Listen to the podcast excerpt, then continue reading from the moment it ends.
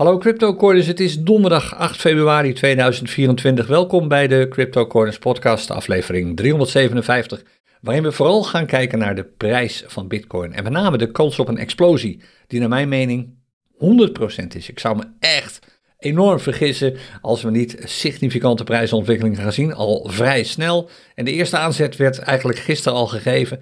Kom ik zo meteen op terug. Voordat we dat doen, heb ik uh, een vraag aan je en even wat intern nieuws. Eerst een vraag. Eigenlijk, die, die schoot me gisteren te binnen toen ik onderweg was. En ik zat even na te denken over de podcast. En uh, ik um, dacht bij mezelf van, de mensen die naar de CryptoCorners podcast luisteren, worden er steeds meer, duizenden luisteraars. Ik vroeg me eigenlijk af, waar zitten jullie? Ik heb deze vraag ooit in 2021 ook al een keer gesteld, toen de podcast nog niet zo lang bestond. En toen kregen we hele leuke antwoorden. Mensen luisterden in de vrachtauto, waren bezig met het uh, met asperges snijden en allerlei andere dingen. En ondertussen luisteren ze naar de podcast. Ik ben heel benieuwd waar jij je bevindt als je naar deze podcast luistert. Wat is meestal de plek waarop je de CryptoCoins podcast uh, informatie tot je neemt? Als je het leuk vindt om erop te reageren, doe dat gewoon even als reactie bijvoorbeeld op YouTube. Als je deze podcast op YouTube volgt of gewoon op de CryptoCoins podcast pagina via een voicemail, wat je maar te binnen schiet. Het zou leuk zijn als je even de tijd nam om antwoord te geven op die vraag. Dan bespreek ik een aantal van die antwoorden ook eventjes in de volgende aflevering. Dus waar luister jij als je naar de CryptoCoins podcast luistert? Even wat intern nieuws. Niet zo heel veel nieuws, eigenlijk hetzelfde als afgelopen dinsdag, maar dit is toch wel een belangrijke. Aanstaande maandag, 12 februari, is er weer een Crypto Corners Connect stream. Die wordt georganiseerd door en gegeven door het Crypto Corners team. En dat gaat deze keer over de overstap van uh, al die chatkanalen waar we nu op zitten naar een andere community, namelijk, of een ander platform eigenlijk, namelijk Discord. En als je daar meer over wilt weten, dan kun je nu al terecht op een speciale pagina www.cryptocorners.nl slash discord hulp met een streepje ertussen. Maar ik raad je ook aan om maandag even tijd te maken om bij die stream langs te komen. In mijn interne agenda staat dat die stream om 1 uur s middags begint. Ik weet niet of dat de definitieve tijd is, maar dat is een tijd die je misschien even in je agenda wilt zetten. Dus dinsdag, uh, maandag 12 februari, of ik denk om 1 uur s middags, Crypto Corners Connect. En vanavond, dan is Kevan er weer met het Crypto Corners Clubhuis. Uh, er komt iemand langs, Max, die ken je misschien wel uit een, eerdere, uh, uit een eerder bezoek bij het clubhuis. En Kevan gaat je even een paar dingen laten zien uh, die te maken hebben met de CryptoCoin scanner. En de reden dat Kevan dat doet, is dat de scanner vanavond beschikt over een paar nieuwigheden die heel goed aansluiten bij de tradingstrategieën die Kevan met name gebruikt. De CryptoCoin swing trading strategieën, maar ook chartpatronen en allerlei andere strategieën die je bij Kevan misschien hebt geleerd.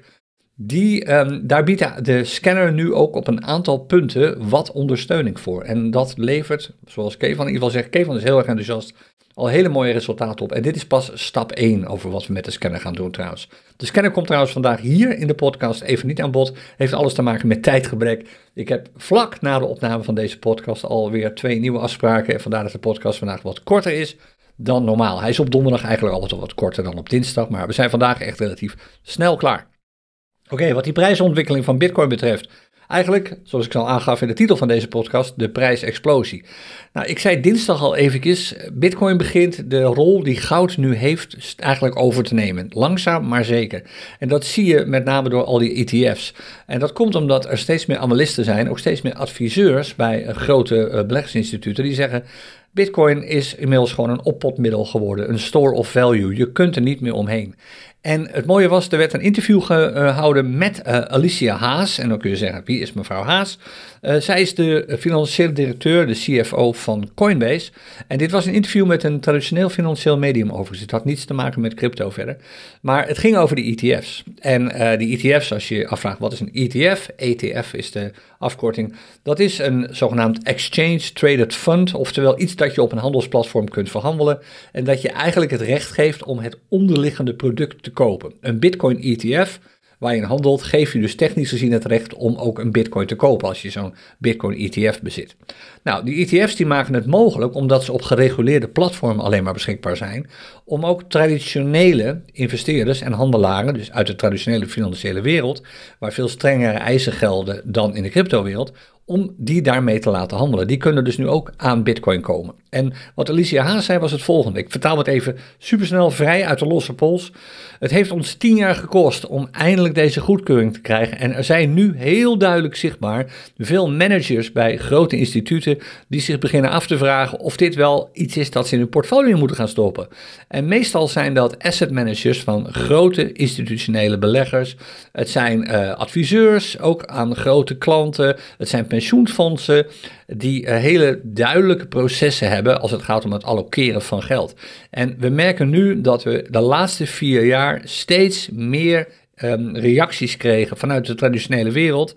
En dat gebeurde zowel als de prijzen omhoog gingen als de prijzen naar beneden gingen. En een mooi voorbeeld gaf ze aan. Vijf jaar geleden als je aan grote namen vroeg, zoals bijvoorbeeld Larry Fink van BlackRock, uh, of je met Bitcoin aan de gang moet gaan, zei hij: nee, daar moet je niet aan beginnen, dat is gewoon slechte business. En nu zegt Fink precies het tegenovergestelde: Bitcoin is gewoon een plek om je rijkdom in op te slaan en is een hele duidelijke zogenaamde asset class waar je absoluut in moet investeren. Dus wat ik hiermee wil zeggen is het volgende: het sentiment over Bitcoin bij grote institutionele beleggers, die normaal gesproken alleen maar werken of gewerkt hebben in de traditionele financiële wereld, is omgeslagen van heel negatief, wat we allemaal wisten, want we hebben het al jarenlang over, naar nu heel positief. Je komt er niet meer omheen. En dit is een voorbode. En wat de prijs van Bitcoin in de tussentijd ook doet, dit legt een enorme druk onder die prijs. Dus mensen zullen steeds meer Bitcoin, over Bitcoin willen weten, zullen steeds meer geneigd zijn om in Bitcoin te investeren, omdat hun adviseurs uit de traditionele wereld hen nu aangeven en gaan aangeven dat ze er eigenlijk niet meer omheen kunnen. Dit is zo ongelooflijk bullish nieuws dit, dat zelfs als je dat niet meteen terugziet in de prijs, dit absoluut impact gaat hebben. En je zag het terug in de prijs. Vlak na dit interview zag je de prijs van Bitcoin omhoog schieten, want dit werd opgepakt door een aantal bloggers natuurlijk. En dit is absoluut goed nieuws. Wat die prijsontwikkeling zelf betreft trouwens, uh, dat ziet er positief uit, zoals je zo meteen gaat zien op de charts. Maar het is nog niet helemaal 100% uh, uh, zonneschijn overal. Sterker nog, ik heb een short genomen op Bitcoin. Je gelooft het of niet. Ik heb gisteravond, toen ik die prijs omhoog zag schieten. en tegelijkertijd zag dat de Bitcoin-prijs behoorlijk overgekocht was. Toch maar even een short genomen. Daar gaan we zo meteen al even over praten. Want ik weet niet of we meteen gaan doorschieten. Ik stap overigens uit die short met verlies. Uh, een stoploss als de prijs een bepaald punt bereikt. Ik ga je zo precies laten zien waarom ik dat heb gedaan en hoe ik dat heb gedaan. Dan gaan we sowieso even voor naar de charts. Uh, als je meekijkt nu op YouTube, dan zie je de charts nu ook voor je. Dit is de dagchart van Bitcoin. We doen de drie vandaag. De Bitcoin dagchart, de urenchart en even snel de goudchart zoals altijd.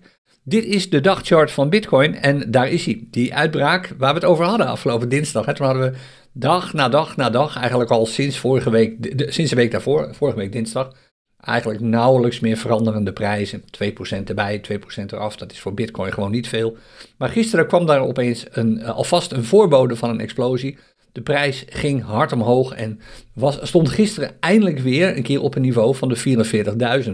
En de laatste keer dat dat gebeurde, dat hij erboven stond, dat was uh, uh, donderdag 11 januari, bijna een maand geleden. En de vrijdag daarna, de 12e, zakte de prijs onder dat niveau om daar eigenlijk niet meer terug te komen. Nu is hij er dik boven. Dat is mooi, 44,7. Uh, duidelijk op weg, zoals je ziet hier, naar die magische grens van 45.000. Daar op dit ogenblik zit nog wel wat weerstand. Wat ik afgelopen dinsdag zei, is van, het lijkt erop dat we gewoon die uh, prijsstijgingen gaan zien. Misschien zelfs een uitbraak richting die 48.000. En eerlijk is eerlijk, als je naar deze dagchart kijkt, begint het daar wel heel serieus op te lijken. Dat is één. Wat veel belangrijker is, dit is nu een bullish chart geworden. De Bitcoin dagchart is heel lang bearish geweest. Best wel een lange tijd dat we zijn omgekeerd van een bullish eh, trend naar een bearish trend. Dat uh, werd ingezet, wanneer was dat? Uh, begin januari. Nou, inmiddels zitten we weer bullish, want we hebben een hogere piek en nu ook een hoger dal. Het vorige dal dat we hebben gepakt, volgens mij was dat op de 23ste uit mijn hoofd, 23 januari. Dat is nu van tafel. Er is een nieuw dal, want die zijwaartse beweging is immers voorbij.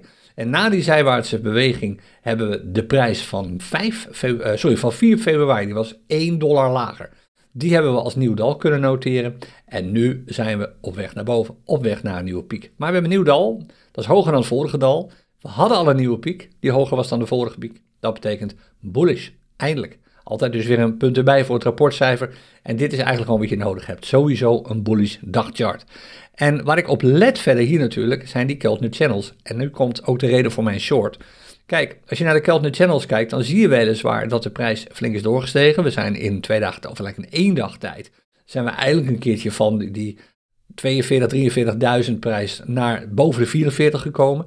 Maar we zitten nog steeds niet boven de bovenste band van die Keltner Channels, waar heel veel momentum zit. Als je daar boven komt qua prijs nu, is dat een duidelijk signaal dat er op het gas wordt gedrukt, op het gaspedaal. Dat is nu nog niet het geval. Je ziet wat aanwijzingen, maar het zijn er nog niet zoveel. Je krijgt ook niet echt een aanwijzing van de MACD, want die, loopt, die convergeert keurig mee met de MA20-lijn, die gele lijn die je hier in het midden ziet lopen. Zelfs met de EMA20, dat is die grijze lijn die je in het midden ziet lopen. Oftewel, daar kun je ook geen nieuws uithalen. Het nieuws moet wat mij betreft gewoon komen uit de doorbraak van die Keltner Channels bovenste balk. En dat betekent, of bovenste lijn eigenlijk. En dat betekent dat we dat vandaag pas kunnen zien. Gisteren is het niet gebeurd. En uh, gisteren had de prijs eigenlijk boven de 45,2 moeten uitkomen. Dat gebeurde niet. Vandaar dat ik gisteren op ongeveer 44,1 ben ingestapt al. Iets voordat dus die uitbraak kwam. Ik, ik, zag hem gewoon niet gebeuren. Daar heb ik een short genomen. De short heb ik overigens genomen. Op de urenchart kun je dat iets beter zien. Uh, volgens mij uh, hier gisteravond was dat op dit punt ongeveer. Hier heb ik de short gepakt. En zoals je ziet is de prijs daarna gestegen. Die is inmiddels naar 44,7 gekomen. Ik stap uit met verlies als de prijs boven de 45,150 komt. Dus 45.150 dollar. Als de prijs daarboven komt, dat is voor mij een bevestiging dat die 45.000 zone is gehaald en is overwonnen. Al is het desnoods tijdelijk. Dan wil ik uit de trade, dan neem ik mijn verlies. Dat is 1% op uh, de investering die ik heb genomen overigens hier. Dus dat gaat of, eigenlijk op mijn portfolio. Het is een challenge trade, dus je kunt hem gewoon volgen. Um, ik denk eerlijk gezegd, als ik naar deze chart kijk, dat dat niet gaat gebeuren. Je ziet het ook hier. De prijs moddert eigenlijk min of meer een beetje. Er gebeurt niet meer zo heel veel de laatste uren. Zie je dat? Sterker nog, ik keek verkeerd. Ik heb hem hier genomen op dit punt. Uh, dit is waar ik in de trade stapte. Dit punt, 44,3. Ja, toen ben ik uitgestapt. Volgens mij 44,1 ben ik uitgestapt met die short. De prijs ging even omhoog, maar je ziet het, hier moddert hij. Hier zit geen momentum meer op dit ogenblik. De prijs, je ziet een aantal lange candles. Dat werd hier al even wat minder. Nu weer wat lange candle bodies. Nu is het weer een stuk minder. Het kan zomaar zijn hoor, dat we keurig met de trend mee naar boven schieten. Maar kijk ook even naar het volume. Dat was een van mijn uh, redenen om die short te pakken. Het volume nam ook af. Kijk, dat werd steeds wat minder van uur tot uur. Maar we gaan het zien. Als dat een verliestrade wordt, so be it. Het is een uh, voor mij uh, wel overwogen beslissing geweest om even een shortje te pakken. Niet omdat ik denk dat de prijs vervolgens flink naar beneden knalt, maar omdat ik verwacht dat we even een hele kleine pullback gaan zien na deze plotselinge prijsstijging. Maar ja, misschien vergis ik me, dat weten we misschien al als deze podcast uh, aflevering live komt. Als de prijs dan boven de 45.150 of 159 of zo staat, dan was dit mijn eerste verliestrate in de challenge trouwens. In ieder geval verliestrate met de, de gewijzigde strategie die ik daar gebruik. We gaan kijken of dat gaat gebeuren. Het was uh, trouwens een trade met een indicator. Ik heb hem niet zomaar genomen. Het was, uh, ik kreeg duidelijk een signaal dat dit, dit een mogelijke short zou kunnen zijn. Alles was echt en is nog steeds oversold. Dus deze oversold situatie die we nu hebben duurt ook best wel lang. Maar meer daarover ongetwijfeld bij K van vanavond. Dat komt allemaal dan wel. Wat die urenchart verder betreft, ja, mooi, mooi werk dit. Bullish. Best ver boven de MA20 uit. De prijs wordt er langs maar zeker weer wat naartoe getrokken. Maar we hebben daadwerkelijk gistermiddag even weer afstand genomen. Kijk, die, die zijwaartse beweging, hoe lang die heeft geduurd. Dat duurt maar en dat duurt maar en dat duurt maar. Inmiddels zitten we er dik boven. Nogmaals, hij zal er wel weer naartoe komen. Ik zou me kunnen voorstellen dat we een tijdje lang min of meer consolideren rond misschien de 44, 3, 44, 2, misschien zelfs 4400. Dat we nog niet door die 45 heen breken, maar dit is een opmaat. Nog weer wat meer volume straks, hopelijk. En dan knalt die prijs er een keer doorheen. Voor mij blijft staan wat ik afgelopen dinsdag al zei. We gaan een uitbraak zien. Het feit dat er nu zoveel. Er is gisteren volgens mij voor een record verhandeld in ETF's. Volgens mij gisteren in één dag tijd 1 miljard dollar aan ETF-handelsvolume. Dat hebben we lang niet gezien. In ieder geval sowieso niet in traditioneel Bitcoin-handelsvolume. Dat is gigantisch hoog. En dat zijn alle voorbodes. Tekens, uh, tevens als je de chart erbij pakt van een uitbraak richting de 48k. Ik zie echt serieus signalen nu dat we daar op korte termijn gaan komen. Ik hoop natuurlijk als je long zit in Bitcoin dat, je, dat ik gelijk krijg. Zo niet. Het is alleen maar een verwachting. Het is geen voorspelling. Het is zeker niet iets waarbij je nu zou moeten zeggen: Oh, dit is advies. Ik moet blijkbaar nu gaan kopen. Dat zul je echt altijd zelf willen bepalen. Is dit het moment op basis van onderzoek dat je zelf doet op de charts met chart-analytische methodes die je zelf hebt geleerd? Dat is eigenlijk de enige indicator voor jou om te beslissen of je wel of niet in of uit iets stapt, naar mijn mening. Ik dus een korte short nu, maar je weet het, over een iets langere termijn ben ik nog steeds, al wat al geweest, extreem bullish over Bitcoin. Die short was gewoon even een snelle trade om te kijken of het signaal klopte en of ik daar daadwerkelijk even wat op kon verdienen. Um, dat wat de Bitcoin-prijs betreft, 48 komt en daarna gaan we hard door naar de prijsontwikkelingen die ik volgens mij afgelopen dinsdag heb aangegeven. Waarbij inderdaad, als ik nu de verwachtingen hoor van steeds meer analisten, dat 80.000 dollar een realistisch getal is, kan ik niet anders zeggen dan ja, ben ik het mee eens. Dat zie ik absoluut wel een keer gebeuren voor de Bitcoin-prijs. Tot die tijd nog even een kort pasje op de plaats, denk ik. Dan goud. Goud is niets veranderd nog ten opzichte van afgelopen dinsdag. Ik zei het al, dit wordt een korte podcastaflevering.